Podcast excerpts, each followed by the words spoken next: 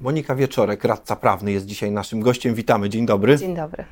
Porozmawiamy o prawie pracy. Taki czas, że te przepisy coraz większe mają znaczenie, zmieniają się kodeksy, coraz więcej mamy pracy zdalnej i coraz więcej, nie wiem czy to jest związek między jednym a drugim, przypadków mobbingu. Ja muszę powiedzieć, że z jednej strony tak, praca zdalna faktycznie nam trochę pokazała, że są problemy, których do tej pory nie widzieliśmy. Przede wszystkim problemy w komunikacji, bo okazało się, że tam, gdzie wchodzi praca zdalna, to nagle pewne przyzwyczajenia niektórych osób, zwłaszcza mówię tu o kadrach menedżerskich, dotyczące potrzeby nadzorowania, czasami zbytniego kontrolowania, wpłynęły też na to, że niekoniecznie z dobrymi zachowaniami mieliśmy do czynienia. Ale ta praca zdalna i to, co się zmieniło i co e, obnażyło pewne zachowania, które gdzieś tkwiły e, w pewnych osobach, w kadrach menedżerskich, ale w ogóle w pracownikach, to jest jedno. Ale drugie to jest zdecydowanie zwiększyła się świadomość pracowników na przestrzeni ostatnich lat co do tego, czym jest mobbing, czym jest dyskryminacja i czego można oczekiwać od pracodawcy, żeby faktycznie polepszyć, mówiąc w skrócie, atmosferę w miejscu pracy. Okej, okay, co się zmieniło? Co jest taką nowością, której wcześniej nie widzieliśmy, a teraz powinniśmy zwracać na nią uwagę, będąc i pracownikiem, ale i pracodawcą?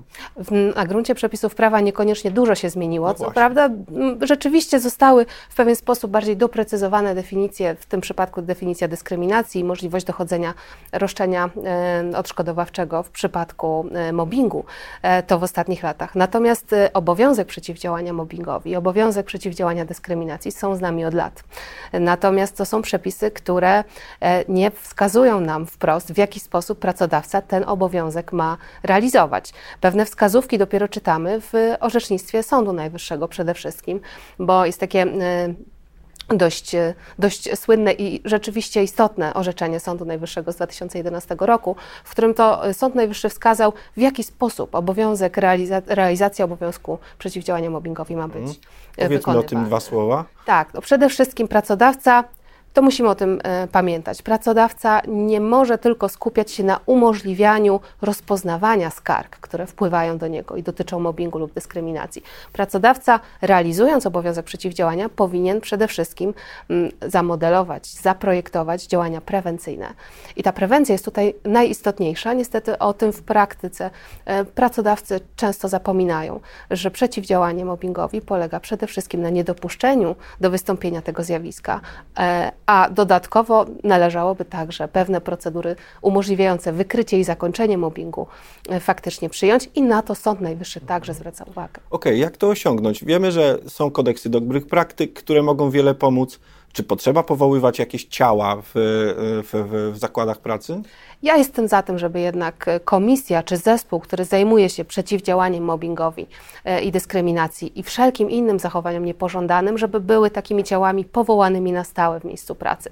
Dlatego, że z mojego doświadczenia wynika, że pracownicy bardziej ufają w te rozwiązania i możliwości zgłaszania problemów w danym zakładzie pracy wtedy, kiedy wiedzą, kto dokładnie zajmie się rozpoznaniem danej sprawy. Dlatego e, przygotowanie przez pracodawcę pewnego pola w tym zakresie, po to, aby pracownik wiedział, kto zasiada w komisji w jaki sposób jest ukształtowana praca tej komisji, jak i na czym polega postępowanie wyjaśniające, jest niezbędne. Więc ja zdecydowanie rekomenduję to, żeby komisje, zespoły antymobbingowe mm, były ciałami stałymi, doradczymi w miejscach pracy i żeby pracodawcy coraz częściej te ciała powoływali. Stałymi, czyli nie, nie powinni się członkowie tych komisji zmieniać zbyt często, tak? I y, wszyscy pracownicy powinni wiedzieć, jak to działa, co będzie badane, tak? Co trzeba wziąć pod uwagę.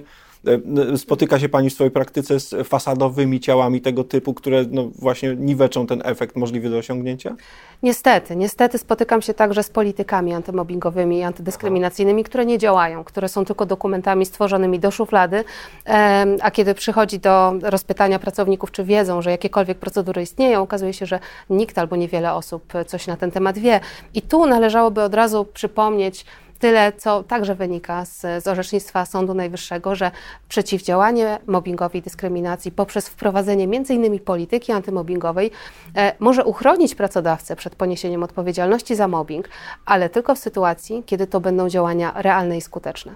A nie jest działaniem realnym i skutecznym wprowadzenie polityki, o której nikt nie wie i nie posłużenie się pewnymi narzędziami komunikacyjnymi tak, żeby pracowników w dostateczny sposób o tym poinformować. E, pan redaktor redaktor pytał także o to, czy faktycznie zdarzają się te fasadowe działania w mhm. postaci powoływania komisji. E, niestety to się również zdarza. Modeli powołania komisji jest bardzo wiele. Ja bym rekomendowała w szczególności, żeby nie budować komisji wyłącznie z członków zespołu, żeby to nie były komisje składające się wyłącznie z pracowników, dlatego że to po pierwsze obciąża tych pracowników w znaczny sposób też odpowiedzialnością za kolegów i koleżanki. E, I niekiedy pra pracownicy, którzy są członkami tych komisji, obawiają się, że kiedy nie rozpoznają sprawy, mówiąc wprost po linii czy w interesie pracodawcy, e, wówczas może ich czekać jakaś sankcja pracownicza. Ale jest i druga strona. No, kiedy pracodawca powoła komisję złożoną z osób z zewnątrz, no to padnie zarzut, że aha, takich sobie wybrał, żeby, żeby nikt nie potwierdził, że coś się w jego firmie złego działo, szczególnie jeśli to on e, mógłby być, no przynajmniej wiedzieć o tym, tak, i nic nie zrobić. Tak, zdecydowanie. Powinniśmy też pamiętać o tym, że komisja powinna składać się z osób, które będą dawały jak największą rękojmię niezależności i obiektywnego rozpoznania sprawy. Bez tych przymiotów postępowanie wyjaśniające może się okazać rzeczywiście postępowaniem fasadowym. Ja jestem e, gorącą zwolenniczką tego, żeby pracodawcy, powołując takie ciała, posługiwali się także pomocą, wsparciem ekspertów, ekspertek zewnętrznych, którzy w tym temacie e, są wyspecjalizowani, co nie oznacza, że komisje mieszane byłyby nieskuteczne. E, to też są ciała, które mogą e, rzeczywiście przynieść ten efekt w postaci rzetelnego, obiektywnego rozpoznania, zgłoszenia mobbingu lub dyskryminacji. Gdy mówię mieszane, to mam na myśli te składające się z pracowników i ekspertów zewnętrznych, ale moja gorąca rekomendacja, jeśli jeśli możemy, to próbujmy tak ustalać skład komisji, żeby on był jak najwęższy, żeby jednak nie mieć do czynienia z taką sytuacją, w której pracownik rozmawiając z komisją ma poczucie bycia przesłuchiwanym przez szereg osób, y, które przed Ile osób w takiej komisji powinno być? No, tak przeciętnie. Przyjmuje się, że te trzy osoby to jest taki standard. Co oczywiście ja też pracowałam w komisjach, które były komisjami dwuosobowymi. Jakkolwiek faktycznie ten nieparzysty skład pozwala oczywiście na to, żeby głosowanie nad rozwiązaniem ostatecznym e, no zawsze było, było jakieś rozstrzygnięte. Tak? Dokładnie. Tak? A czy za to pewnie część pracodawców może dojść do, do wniosku, y, że no, skoro to trzeba będzie pewnie komuś zapłacić za pracę w takiej komisji, no to to będzie koszt, który mu się nie zwróci.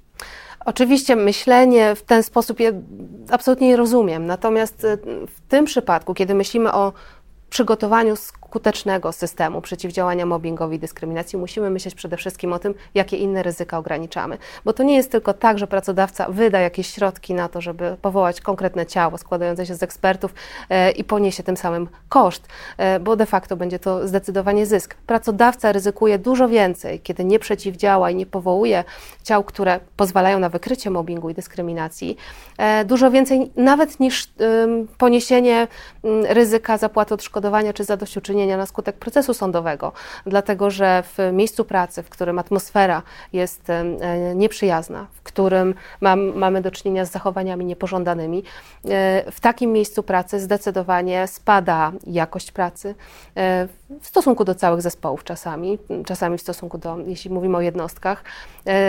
Oczywiście dochodzi do wahania zatrudnienia, dochodzi do sytuacji, kiedy cenni, wartościowi pracownicy odchodzą z pracy, ponieważ w takiej atmosferze nie chcą lub nie mogą już e, dalej pracować.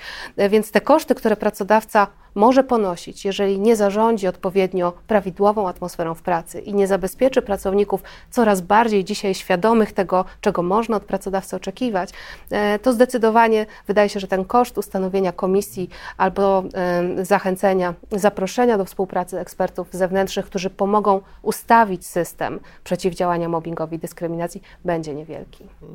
Odwołam się do Pani osobistego doświadczenia z ostatnich lat.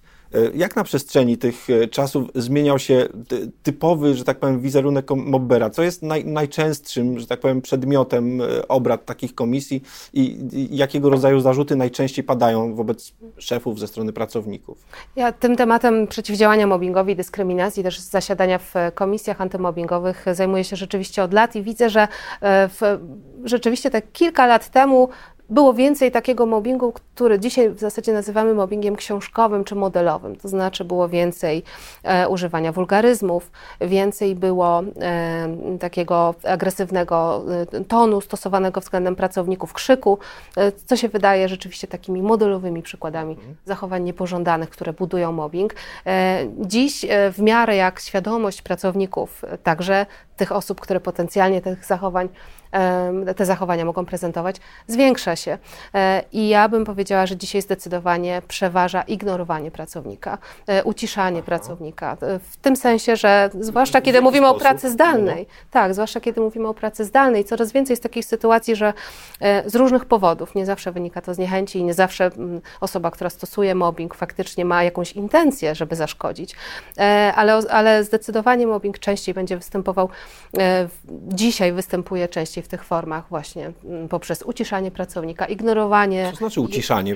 Chciałbym prosić o wyjaśnienie. Na przykład w pracy zdalnej, na spotkaniach online y, to wygląda w ten sposób, że osoba, która zachowuje, czy przełożony, ale niekoniecznie, bo pamiętajmy, że mobbing y, jest skierowany w stosunku do pracownika nie tylko ze strony przełożonego.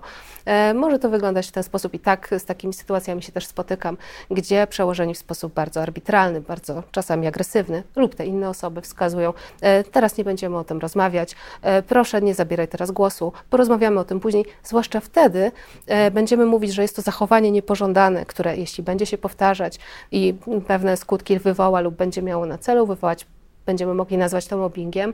E, zdecydowanie w takich sytuacjach y, pracownicy, mam takie wrażenie, niekoniecznie zdają sobie sprawę z tego, że jest to zachowanie y, niepożądane. Jakkolwiek osoby, które zachowują się w ten sposób, y, niekoniecznie, tak jak mówiłam wcześniej, muszą zdawać sobie sprawę z tego, no, że może to wywoływać jakąś krzywdę. Właśnie dochodzę do tego wniosku, no bo ostatecznie wyobrażam sobie jakieś zebranie, no w redakcji mamy kolegium redakcyjne, na którym no, pojawia się jakiś temat, że tak powiem, poboczny, który zajmuje uwagę jednej osoby, uczestnika tego kolegium, czy redaktor naczelny nie ma prawa powiedzieć, zostawmy to teraz, zajmijmy się tym, co mamy ważniejszego. Tak, oczywiście tutaj musimy wziąć pod uwagę też cały kontekst sytuacyjny. To, że przełożony tak chce zorganizować to spotkanie, że mówi, tym zajmiemy się później, to nie oznacza, że zastosował właśnie mobbing, czy, czy że to zachowanie było elementem mobbingu. Oczywiście, że nie. Natomiast jeżeli ta sytuacja się powtarza, pracownik co do zadań, które ciążą na nim w zakresie jego obowiązków, nie ma możliwości wypowiadania się, jego głos jest ciągle stale uciszany, to może mieć poczucie, że jego praca e, nie tyle nie ma e, sensu, ale jest po prostu niewidzialna. No tak. I to zdecydowanie. Musimy przypomnieć, że chodzi o uporczywe naruszanie praw, prawda? To nie, nie jest to jednostkowy przypadek, tylko musi się powtarzać przez jakiś czas. Tak, żebyśmy mówili o mobbingu, to zachowanie niepożądane musi być długotrwałe i uporczywe. Oczywiście długotrwałość e, już nie jest mierzona przez nas w miesiącach, sześciu, tak jak to bywało wcześniej, przez, przez dość długie lata, ale faktycznie mówimy dzisiaj za Sądem Najwyższym, to zależy.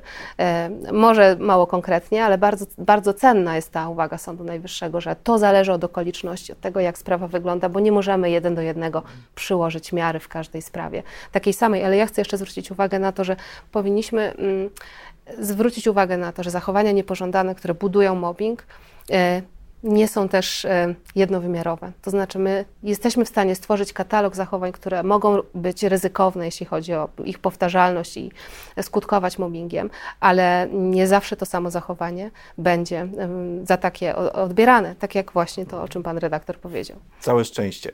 Dziękuję za to spotkanie. E, Monika Wieczorek, radca prawny, był naszym gościem e, i mam nadzieję, że jeszcze się to kiedyś powtórzy. Wszystkiego dobrego. Ja również dziękuję.